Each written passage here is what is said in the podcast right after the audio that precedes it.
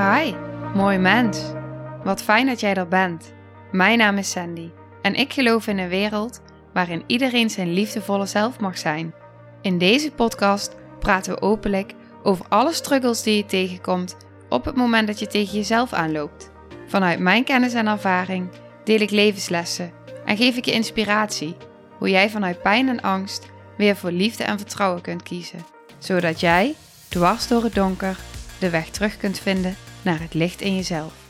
Welkom bij de Liefdevolle Strijder Podcast.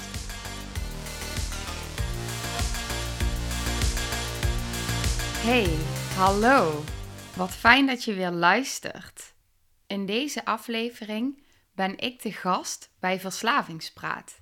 Ik deel in deze aflevering vanuit behoorlijke openheid over mijn destructieve verslavingspatronen en gedrag. En ik vertel vervolgens ook hoe ik de keuze kon maken om daar volledig in te shiften en om los te komen van dat ongewenste verslavingsgedrag. Waardoor ik dus totaal ben getransformeerd en compleet anders in het leven sta. Dus ik zou zeggen, ga lekker luisteren. En mocht je meer willen weten over verslavingspraat, ik zal hun links in de beschrijving zetten. Want het is echt een aanrader om hun te volgen. Zij zijn zo inspirerend. Hartstikke leuk. Wij houden vandaag uh, een, uh, een, podcast samen met uh, Sandy van der Lokkant. Hartstikke leuk.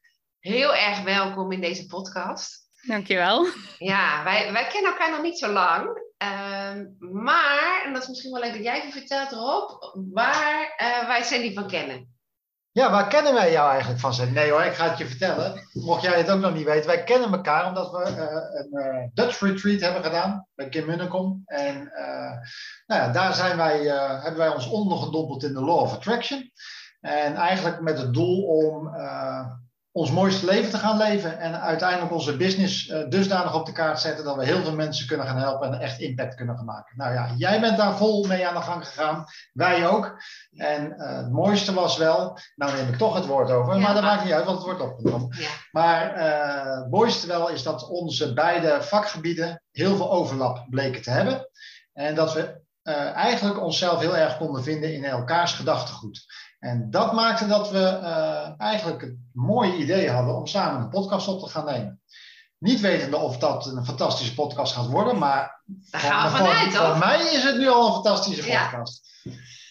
Ja, ja dus ik, ah, kijk. Kijk, dus ik denk dat het leuk is, eh, Sandy, dat jij eerst eens even vertelt wie jij bent. En wat je doet. Ja, zal ik doen. Ik vind uh, wie je bent, vind ik ook altijd al zo'n grootse vraag eigenlijk ik weet dat ik vroeger altijd antwoordde van, nou, ik ben Sandy en ik ben 32 eh, jaar oud en dit is mijn werk.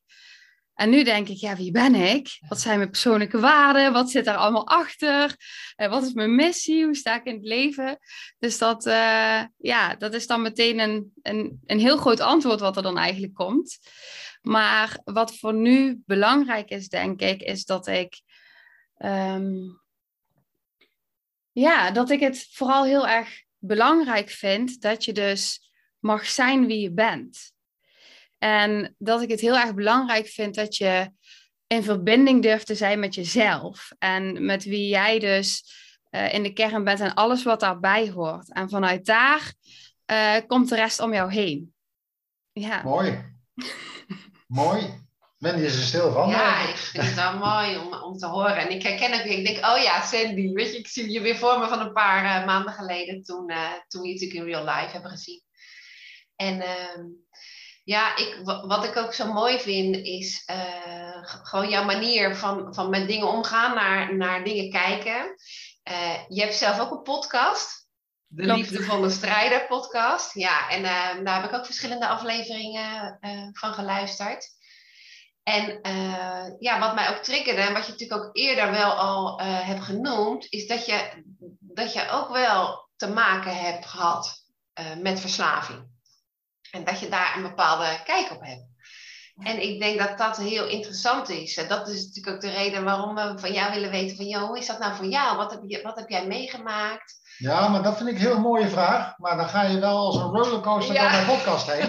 Want ik ben eerst wel eens even heel benieuwd, wat doe je qua business? Wat, wat, is jouw uh, core business?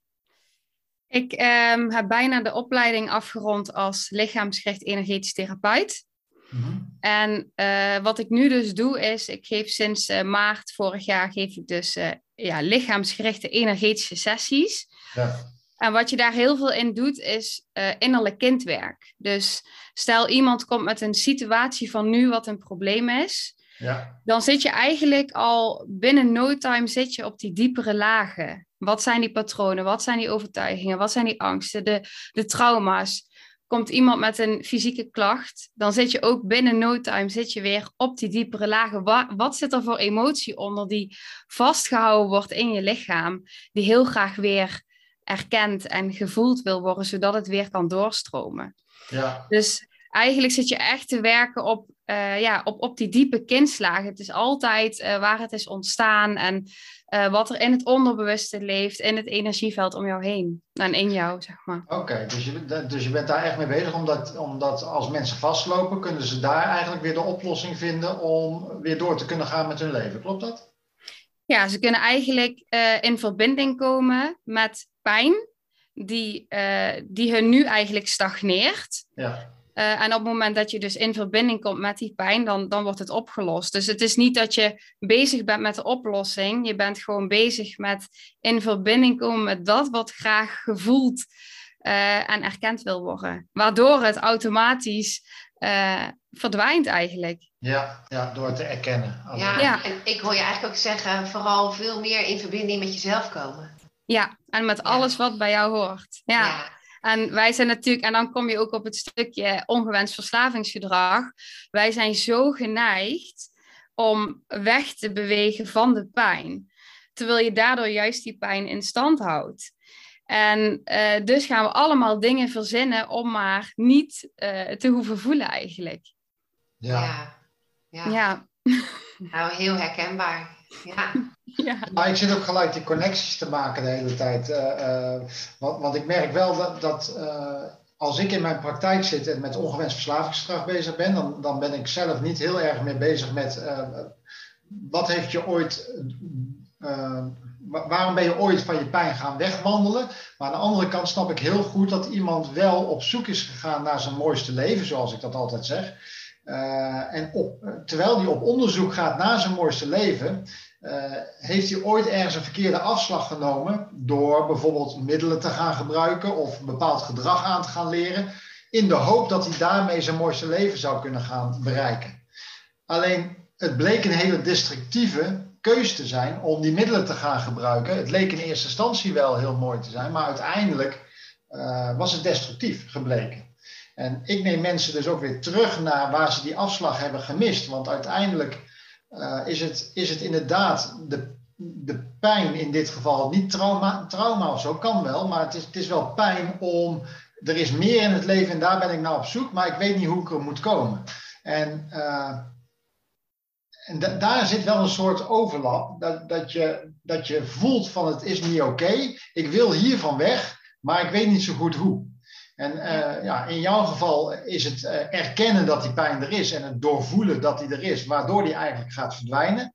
En uh, bij mij is het ook benoemen van waar wil je precies heen en wat is er voor nodig om daar te gaan komen. En wel, ja, je gaat feitelijk nieuwe gedachten kiezen, waardoor je ook nieuw gevoel gaat opwekken. Ja, het is wel mooi wat je zegt, Rob. Want ja, wij werken natuurlijk met z'n tweeën. En uh, we hebben ook allebei andere achtergrond, allebei een andere opleiding. Ik herken wel heel veel van wat jij, van wat jij zegt en van wat jij doet. Ja. En um, ja, ik ben ook wel iemand die teruggaat ook naar, naar ja, weet je, waar, waar zijn dingen ontstaan? Hoe, zijn, hoe is dat met die overtuigingen? Um, ja, ook dat kindstuk juist, uh, wat aandacht moet hebben. Ja. Nou, daar ben jij ook heel veel mee bezig. Zeker. Vooral bij de naaste van een verslaving. Ja. Nou, dat kan ik me wel, uh, dat kan ik me, uh, wel herinneren dat je dat doet. Want welke oefeningen doe jij daar ook in? Ja, nou, ik, ik ben vooral heel erg bezig met. Uh, bij mij gaat het vooral om voelen. eigenlijk, en, en, dat herken ik van mezelf ook, dat ik helemaal verwijderd was van mijn eigen gevoel, van mijn eigen lichaam. Alleen maar in mijn hoofd zat. En dat zie ik gewoon heel veel gebeuren bij mensen die eh, last hebben van verslavingsgedrag. In ieder geval die last hebben van het gedrag van een ander. Ja. En ehm, ja, om gewoon ook weer te leren voelen, weer vertrouwd te durven zijn in je eigen lijf. En, en, en te kijken van wat is daar eigenlijk allemaal en wat wil dat mij zeggen. ja. Precies. Hey, Ja. En heb jij zelf, Sandy, eh, dat proces ook eerst zelf door moeten maken voordat je dit kon teachen aan anderen? Ja, zeker. Ik, en ik maak het nog steeds door. Ik, eh, ik denk dat het een ongoing proces is, maar ik, ehm, ik merk dat ik. Ik heb heel lang last gehad van heel heftig destructief verslavingsgedrag. Begon echt op mijn dertiende. Ja. En ehm, ja, dat heeft wel het grootste deel van mijn leven geduurd. Echt een overlevingsstand.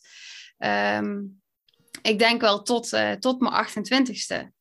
En daar is een omslagpunt gekomen. En op het moment dat er omslagpunt kwam, toen ben ik, heb ik dus echt de keuze gemaakt, inderdaad, van ja, eh, nu wil ik in plaats van zelfhaat en ehm, eh, niet willen en niet kunnen naar ehm, ik wil leven en ik wil in verbinding komen en ik wil vanuit liefde leven, vanuit Ja, liefde voor mezelf. En dat stuk, eh, daar moest ik heel diep voor gaan eh, om, om die keuze te kunnen maken, maar dat heeft alles veranderd, want vanaf dat moment ging ik ook allerlei andere dingen aantrekken. En kon ik steeds meer eh, in verbinding komen. Ja, en heb jij, heb jij wel ooit overwogen, omdat je eh, aan heel, heel sterk aan ongewenst verslavingsgedrag leed eigenlijk, hè? Eh, Mm. en toen heb jij een keus gemaakt van, joh, ik ga echt iets anders, eh, ik verlang heel sterk iets en ik ga alles eh, in lijn van dat verlangen nu doen. Dat is een keus die je maakt. Maar heb jij ook eh, overwogen om voor dat verslavingsgedrag naar een kliniek te gaan? Of naar, naar, was dat überhaupt een vraag die in jou speelde? Nee, want ik zag het nooit als verslavingsgedrag. Oké. Dus ehm, En dan hoe, wanneer, hoe is dat helder voor jou geworden dat dat verslavingsgedrag was dan? ik denk pas eh, achteraf toen ik echt ging zien. Nou, misschien tussendoor wel. Ik had bijvoorbeeld wel een psycholoog. En eh, mijn, mijn allerlangstdurende en heftigste verslavingsgedrag was dus dat ik eh, letterlijk eh, mezelf fysiek verwonde. Eh, Er zit natuurlijk ook heel veel ehm, eh, taboe op. Maar eh, dus het is ook best wel eh, spannend om te delen. Ja. Maar daar begon ik dus al als, als jong kind mee. En ik had totaal niet door dat dat dus zo'n ongewenst verslavingsgedrag was. En op een gegeven moment had ik ook een psycholoog. En die zei van, oké, ga maar andere manieren verzinnen om daarmee om te gaan. Dus hou je polsen maar onder de koude kraan. Ga maar tegen een boom schoppen, dat soort dingen. En wat er toen gebeurde, was dat ik dus echt helemaal shakend op de bank zat te vechten tegen eh, het mag niet en ik kan niet en ik moet het niet doen. En uiteindelijk doe je het toch, zeg maar. Ja. Omdat, je, omdat je zo in die zelfhaat, in die visuele cirkel zit. En uiteindelijk toch weer dan eh, het zo overweldigd wordt door alle eh, leegte en emotionele pijn, dat je weer dat gedrag gaat vertonen. ja, want uiteindelijk deed je het ook op wilskracht, heb ik dan het idee. Dat je op Ja. wilskracht eh, ja, eigenlijk niet gebruikte. En in dit geval was gebruik voor jou jezelf beschadigen. Eh, en, en daar wou je van wegblijven, omdat je echt wel inzag dat dat niet fijn was en dat het eh, je niet verder hielp. Maar aan de andere kant was er ook een enorme drang om het toch te doen, om uiteindelijk weer weg te kunnen bij de pijn. Ja, en precies. En uiteindelijk kwamen er allerlei andere eh, manieren bij. Ehm, allerlei verschillende. Ik heb echt best wel een hele lijst. Ja, En op een gegeven moment merkte ik, kwam ik in het druk zijn. En dat was sociaal geaccepteerd. Dus ik kon er voor anderen zijn. Ik had een goede baan. Voor de buitenwereld was alles perfect. ja, Eh, en, maar ondertussen speelden al die andere dingen ook nog in mijn binnenwereld, zeg maar. ja, En als ik dan nu op terugkijk, dan heb ik eigenlijk mijn hele leven gewoon geleefd in een soort van overlevingsstand op wilskracht. En pas op het moment dat ik daaruit ging, eh, toen ik, geen, toen ik eh, ja, gewoon letterlijk aan de grond zat, zeg maar, ja. ehm, toen ben ik anders gaan leven. Ja, want wat, wat kan jij met ons delen wat het, wat het jou opleverde door op wilskracht daarmee aan de slag te gaan? Niks. Nee, nou ja, maar dat vind ik heel herkenbaar, hè, wat je zegt. Want uiteindelijk uh, weet ik vanuit mijn eigen praktijk ook heel veel mensen die het op wilskracht proberen. Ja, de ene heeft wat meer wilskracht dan de ander, maar uiteindelijk is het resultaat bij iedereen hetzelfde. Het kan kort duren, kan lang duren, maar uh, uiteindelijk vallen ze terug in oud gedrag. Ja. Uh, omdat wilskracht heeft, heeft er eigenlijk mee te maken dat je jezelf vertelt, ik mag iets niet meer. En dat is totaal iets anders als ik wil iets niet meer. En uh, wilskracht heeft ook nog eens als nadelen gevolgen, wat mij betreft. want ik heb het zelf natuurlijk ook een heel lang gedaan op wilskracht. is dat de kwaliteit van leven, ook op het moment dat je het niet doet of het niet gebruikt, je kwaliteit van leven is nog steeds heel laag. Omdat je continu bezig bent met iets niet te mogen. En daar je volle focus op is. Terwijl op het moment dat je iets niet meer wil en het besluit daarin neemt en andere gedachten kiest, ben je er bijna al niet meer mee bezig en kan je kwaliteit van leven beginnen. Ja, ja want uh, toen ik dus zeg maar besloot van oké, ik wil in plaats van zelfhaat, zelfliefde. En ik wil in plaats van angst, wil ik vertrouwen. En me daarop ging richten. Ja. Toen veranderde alles en toen was het compleet weg. En... Maar, hoe, maar Cindy, hoe, hoe, hoe ben je daar gekomen op dat punt? Dat je, want dat is nogal wat van zelfhaat naar zelfliefde, is echt het tegengestelde. Wat is er gebeurd in jouw leven waardoor je uh, die keuze kon maken? Ik uh, kreeg in 2018 een, mijn, ik heb meerdere ongelukken gehad en het leven wilde mij stilzetten. Uh, in 2018 uh, kreeg ik mijn laatste ongeluk, want ik bleef altijd maar doorrennen. En dat deed ik dus in 2018 ook. Alleen dat ging niet. Dus ik voelde dat ehm, alles viel eigenlijk al weg. Dus sociale contacten, uh, sport, uh, alle dingen die ik leuk vond, maar mijn werk, dat, dat was het, zeg maar. Dus ik ging door in die, op die wilskracht, in die weerstand tegen wat is. En mijn lijf ging steeds meer protesteren. En wat ging ik doen? Pijnstillers, zalf, sjaal om, doorgaan, er voor anderen zijn. Nou ja, dat hele proces. En op een gegeven moment kwam ik dus op een punt, na een jaar uh, ja, doorbikkelen, dat ik niks meer kon. Dus ik kon geen auto meer rijden, ik kon geen gesprek meer voeren, ik kon geen licht en geluid meer verdragen. Ehm, ik kon niet meer nadenken, alles deed pijn. Ik was over, echt extreem vermoeid. En ja, ik lag daar dus in het donker, alleen. Je lijf gaf je eigenlijk alleen maar signaal, echt wel, gaf veel signalen. Al heel lang, al heel lang. Ja, maar ik heb je heel lang genegeerd. Ja, en toen na de ongeluk, toen dacht ik van ja, maar dit, dit, is nog, dit is het laatste wat ik nog heb van mezelf. Er zijn voor anderen en mijn werk. En hoe kan ik die anderen in de steek laten? En dus op een gegeven moment kon ik al niet meer auto rijden, werd ik weggebracht, ging ik telefoongesprekken voeren in plaats van live gesprekken. En pas op het moment dat ik een telefoongesprek had met een cliënt en niet meer begreep wat hij zei, laat staan daar een reactie op kon geven, besefte ik: oké, ik kan geen kwaliteit meer bieden, dus ik kan mijn werk niet meer uitvoeren. En niet eens voor mezelf op dat moment, maar echt puur naar die ander. En dat is ook wel echt een eye-opener geweest achteraf. Dat ik hoor dacht, ik jou ook zeggen, ja, hoor ik jou ook zeggen dat jij dat jouw leven vooral in het teken van anderen ook heeft gestaan? Tot dat Altijd. Moment? Ja, tot, tot toen. Ja, ik deed er niet toe. Ik was niet goed genoeg. Ik was het niet waard. Ik was, ja, ik was alleen maar aan het schelden tegen mezelf. En um, ja, het was echt puur voor anderen. En, um... Maar dit was wel jouw oplossing om niet meer jezelf te beschadigen.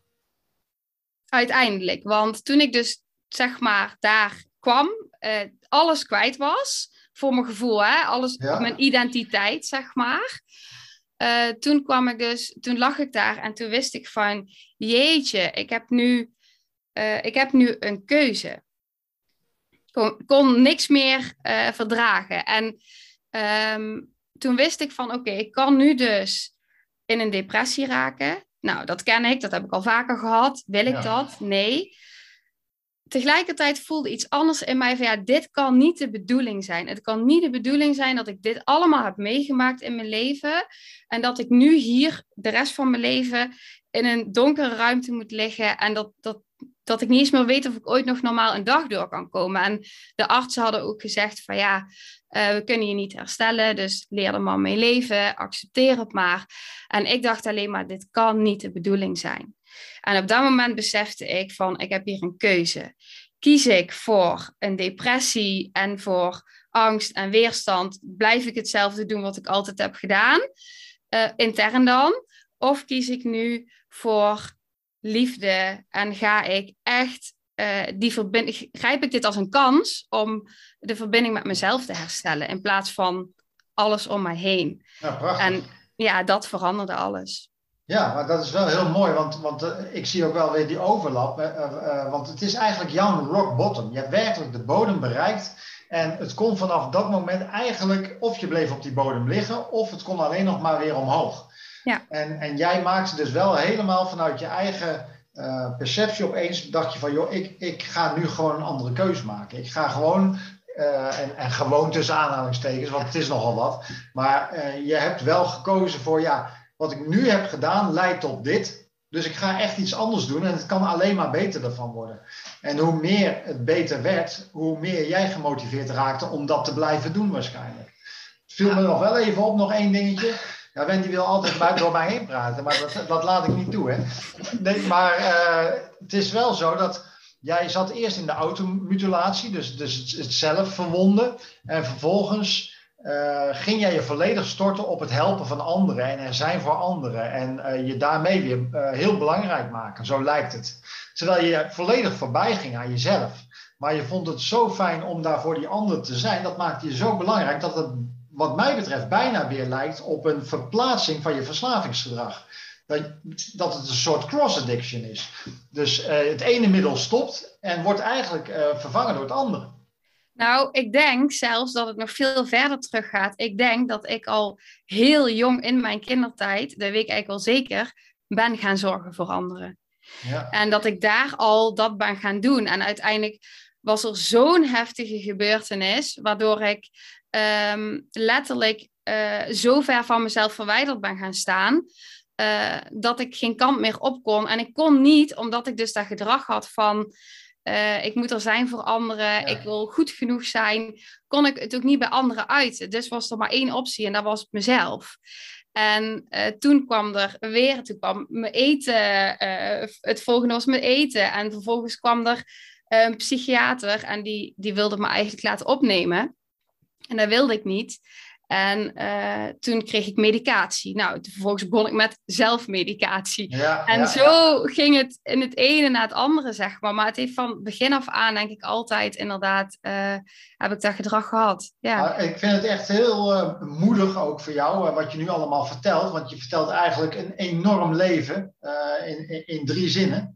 Maar je bent nogal door wat heen gegaan. En je, je kan nu terugkijken op al die periodes, kan je zien dat je het een voor het ander inwisselt. En dit is allemaal heel duidelijk gedrag wat je inwisselt. Daar waar ik uh, veel meer uh, de doorsnee verslaafde vertegenwoordig, waarbij ik het ene middel door het andere middel uh, verving iedere keer. En iedere keer wist ik mijn omgeving te vertellen van zie je wel, ik kan er heel makkelijk mee stoppen.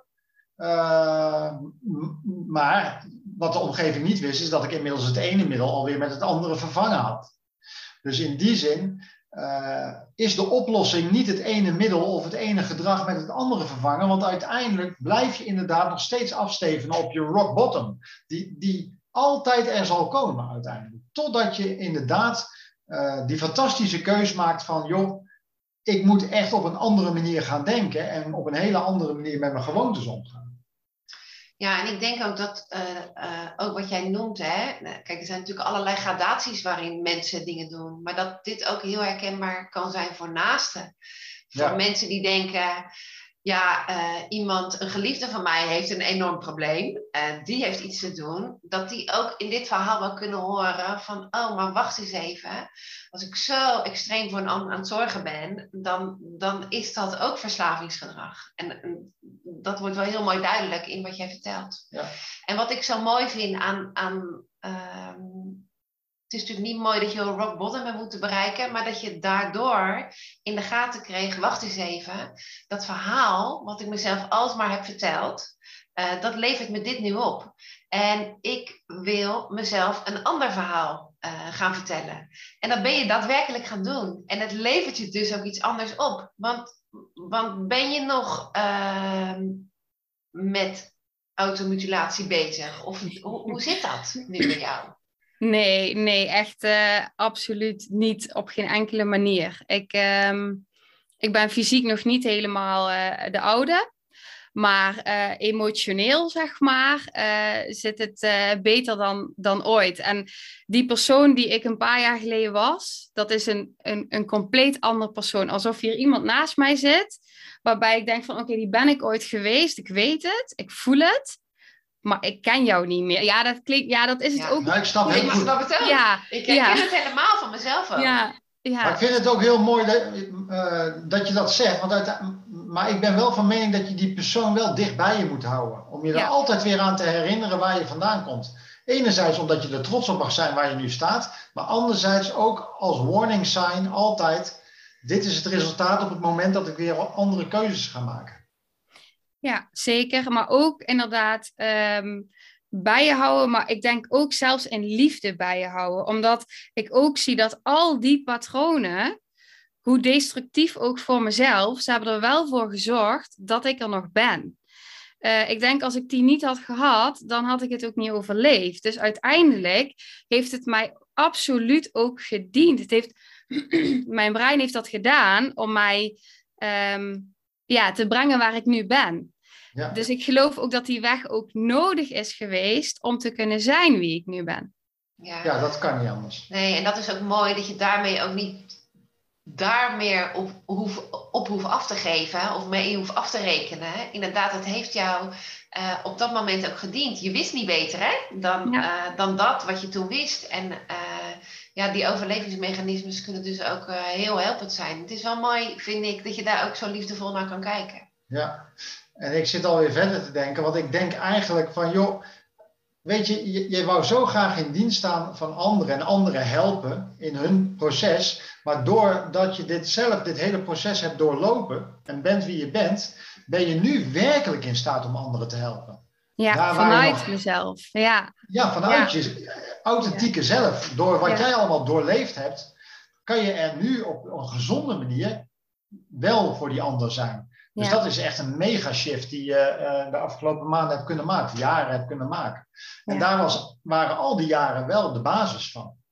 Dus ja, het is eh, dom gezegd. Het, je moet eigenlijk heel dankbaar zijn dat je zo'n scheidperiode achter de rug hebt. ja, maar dat is ook zo. Ik, Ja. En ik geloof ook juist dat, eh, dat, ook, ja, dat je daarvoor ook hier bent. Dat, dat, dat het dus inderdaad allemaal om een reden is en dat het leven zo voor jou werkt, dat je dan vervolgens die missie die je in het diepste van, van alles in je kern voelt, kan gaan leven. Ja. Ja. Ja, en dan maakt ook tegenwind of mensen die het niet met je stelling eens zijn, dat maakt ook niet meer uit, want je weet gewoon wat je missie is. En ik, ik- het is ook een oproep naar, naar de totale markt die jij bedient en naar de markt die wij bedienen. Je ziet dus, je hoeft je niet te schamen voor waar je in zit. Het is een deel van, van het proces waar je doorheen moet om uiteindelijk de mooiste versie van jezelf te kunnen worden. Want je kan niet eh, de mooiste versie van jezelf worden zonder je schaduwkant te kennen. Nee. Die, die moet je weten, want dat maakt jou compleet. Als je alleen maar bezig bent met je mooiste kant, ja, dan, dan, dan neig je meer naar narcisme of naar eh, een enorm ego. Maar als je bereid bent ook naar je schaduwkant te kijken, dan, dan word je een compleet verhaal en daarmee ook eigenlijk veel geloofwaardiger. Ja, ja, en wat mij betreft dus ook zo krachtig inderdaad voor mensen waar je, waar je mee werkt. Dat, dat is iets wat wij ook wel vaak horen ehm, en zelf ook hebben ervaren. Kijk, wij zijn zelf ook allebei met psychologen eh, bijvoorbeeld aan de slag gegaan.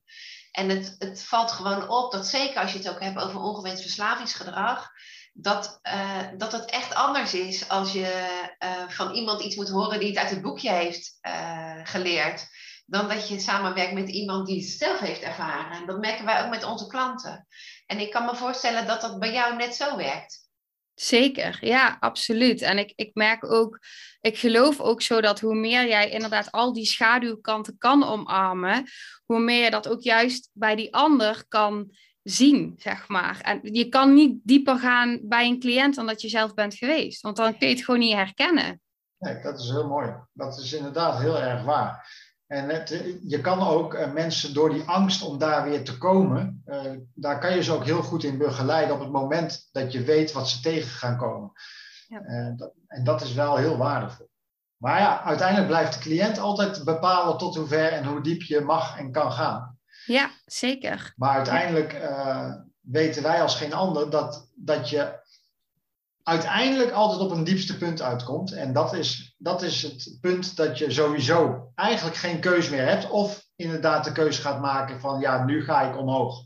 Want dieper dan dit wil ik niet meer gaan. Dat kan trouwens voor iedereen anders zijn, hè? een ander punt zijn. Ja, zeker.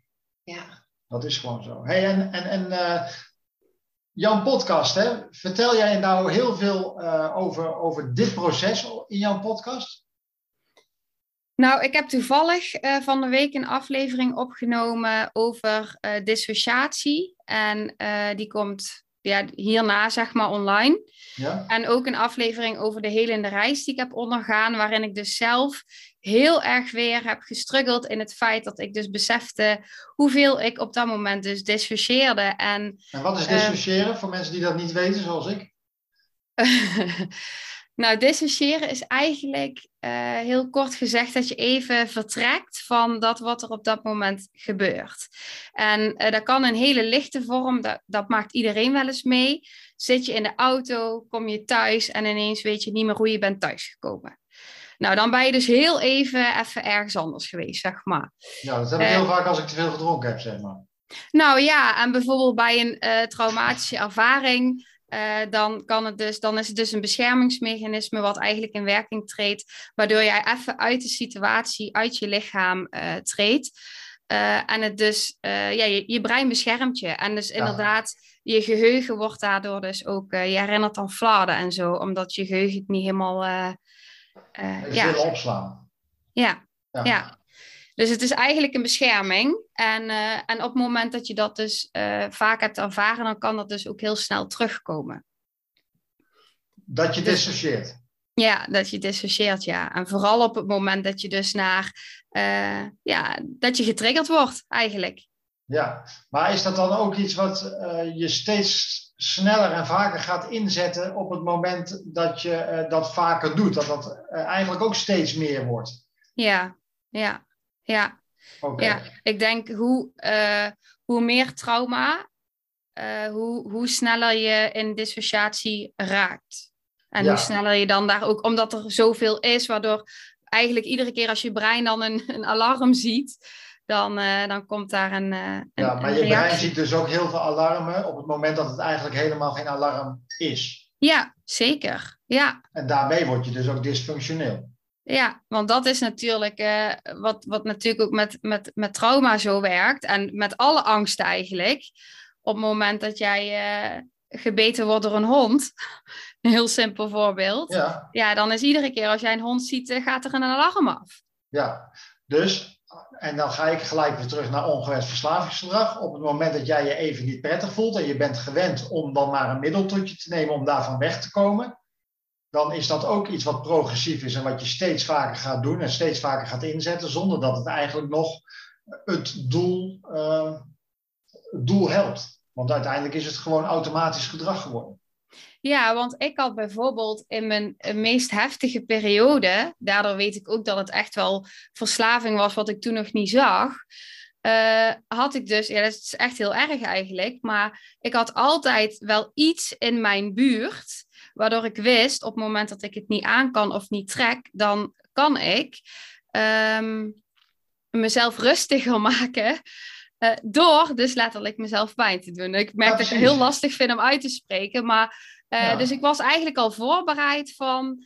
Uh, ja, en dat is natuurlijk ook iemand die, die alcoholverslaafd is. Ja, er is altijd wel alcohol in de buurt. Zeker, maar dat geldt ook voor kookverslaafd of wat ja. dan ook. Je, je zorgt altijd, want dat is ook een, een groot onderdeel van je dag dat je bezig bent uh, te zorgen dat het er altijd is. Ja. En dat je, en, en, Nou ja, uiteindelijk gaat het er, en het maakt echt niet uit wat je doet, nee. ook al heb je het over perfectionisme uh, als verslavingsgedrag. Het gaat erom dat je weer uh, op zoek bent naar die quick fix. Naar, naar dat snelle moment waarop Ja. je je weer lekker voelt. Dat is Ja, bij jezelf eigenlijk veilig houden of, of Ja, verdoven of vermijden, ja. Ja, ja. en automutilatie is dan heel duidelijk jezelf eh, pijn of beschadigen, of pijn doen of beschadigen. Maar uiteindelijk is dat alcoholgebruik of eh, gokken, waardoor je financieel in nood komt, dat is indirect, eh, of het is minder zichtbaar meteen, maar je doet jezelf en je omgeving net zo hard pijn.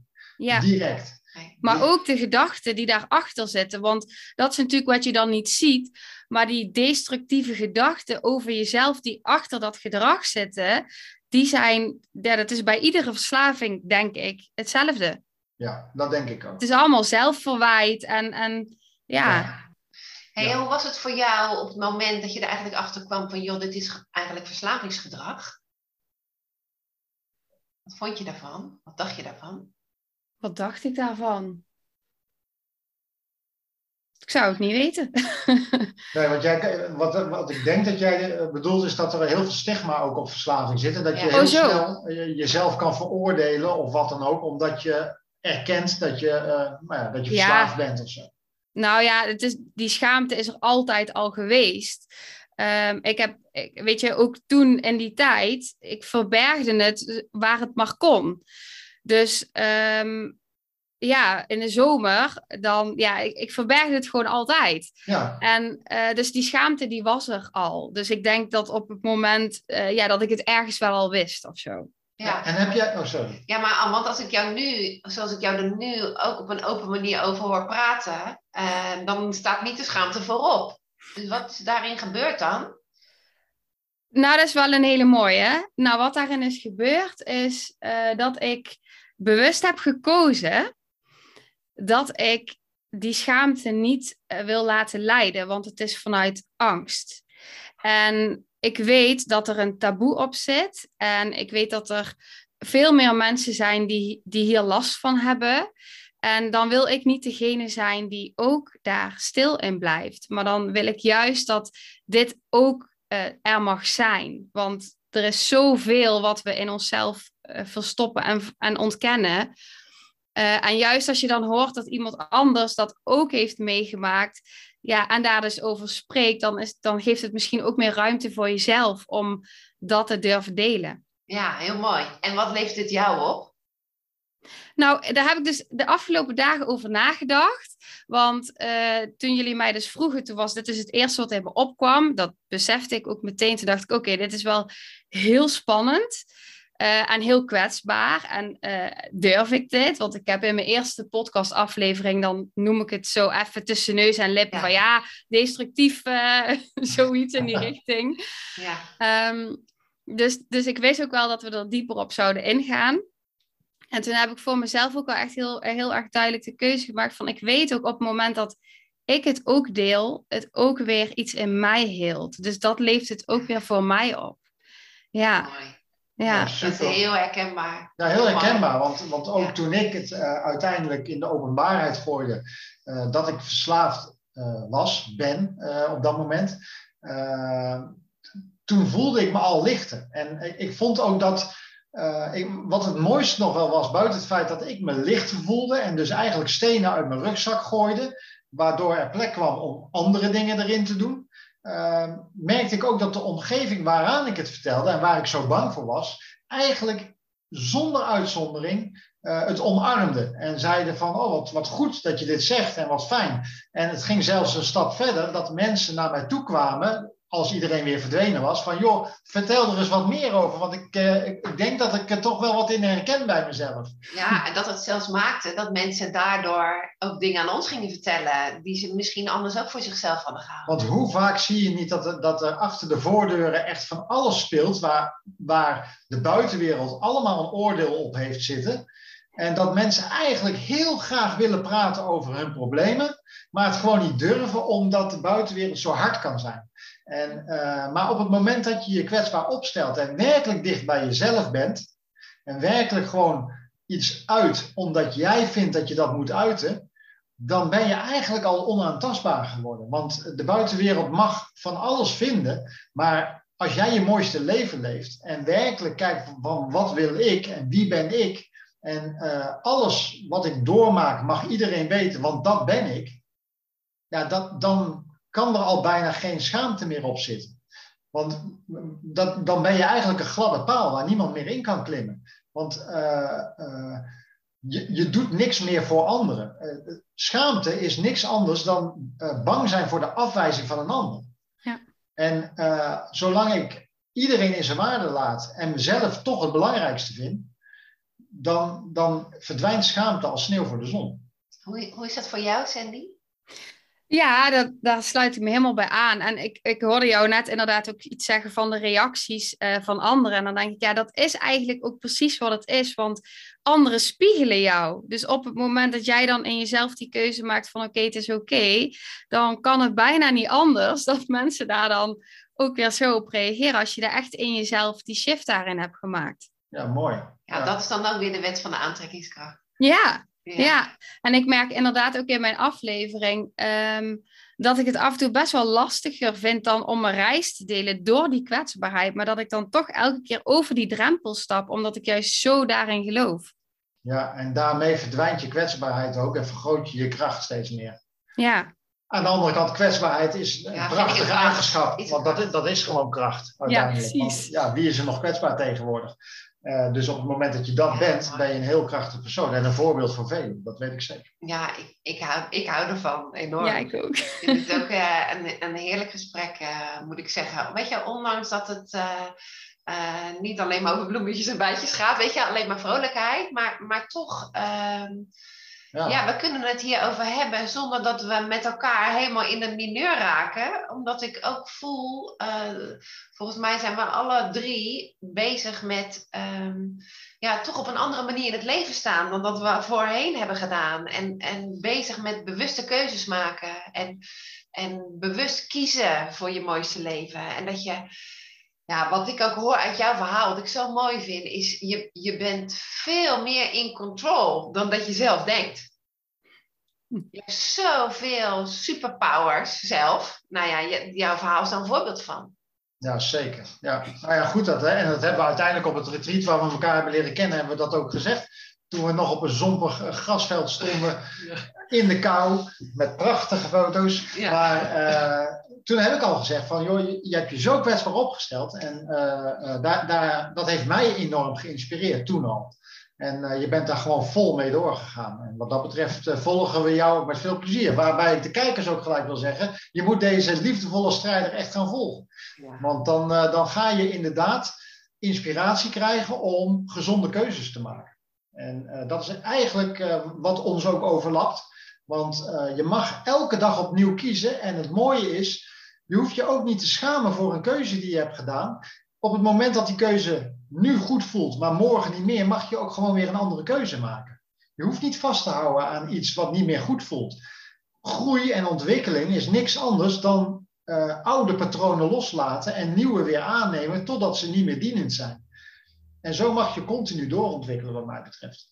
Dus uh, super. Ja. Ja, nou, we, hebben veel besproken, Sandy. Is er nog iets waarvan je zegt van ja, maar dit wil ik ook echt nog kwijt? Nou, wat ik vooral kwijt wil is dank je wel voor uh, de woorden. En um, wat ik inderdaad ook, wat, wat mij zo raakte, was ook juist bij dat retreat die woorden die jullie tegen me zeiden. En ik weet al dat op het moment dat ik vooraf het filmpje van jullie zag, dat ik al voelde door mijn hele lijf dat ik dacht, ja, die missie, die, daar geloof ik in. En wat goed dat jullie dit doen. En daar heb ik alle vertrouwen in. En ja, zo dankbaar dat er mensen zijn als jullie die zo opstaan en daarvoor gaan. En dat, dat voelde ik toen al zo sterk. En toen leerde ik jullie kennen op een retreat. En ja, dat is alleen maar meer en meer geworden. En ik volg jullie ook echt met zoveel liefde en plezier. En ik vind het echt fantastisch wat jullie doen. Nou, ik word er helemaal stil van. Kan je dit even herhalen? Je viel even weg. nou, het is heerlijk om te horen. En het is... Uh het is gewoon heel fijn. Ik, ik voel gewoon uh, uh, de warmte door het beeld en het geluid heen. En daar, daar hou ik van. Daar wil ik graag zijn. Dus uh, ja. Dankjewel jij, lieve Sandy, voor, voor het delen van je, van je kwetsbare en mooie verhaal. Ja, super gedaan. Echt heel, echt heel mooi gedaan. Meen ik serieus. Ja. Dat is heel helpend voor heel veel luisteraars weer geweest. Daar ben ik van overtuigd. Durf je uit te spreken, durf hulp te halen en durf gewoon een keuze te maken die de meute niet maakt, maar die goed voelt voor jou. En dat is het idee. En ga inderdaad naar je gevoel. En kijk je gevoel, omarm je gevoel. Ja. En uh, we, wees weer heel. Dat Mooi. is het. Ja, Ja. super. Uh, ik denk dat er een deel, ik voel zomaar een deel 2 aankomen een keer. maar dat zullen we Je zien. weet dan. nooit. Je weet nooit. Je weet nooit, maar Ja. uh, dan denk ik dat we het voor nu hierbij bij gaan houden. En uh, heb jij nog een uh, mooi passend slotwoord? Anders zeg ik gewoon tot verslavingspraat. Ja, dat, dat, dat vind ik altijd een hele mooie. Dus doe die maar nog een keer. nou mensen, dankjewel voor het luisteren. Sandy, ontzettend bedankt uh, dat je bij ons wilde zijn. En uh, ik zeg maar zo, tot verslavingspraat.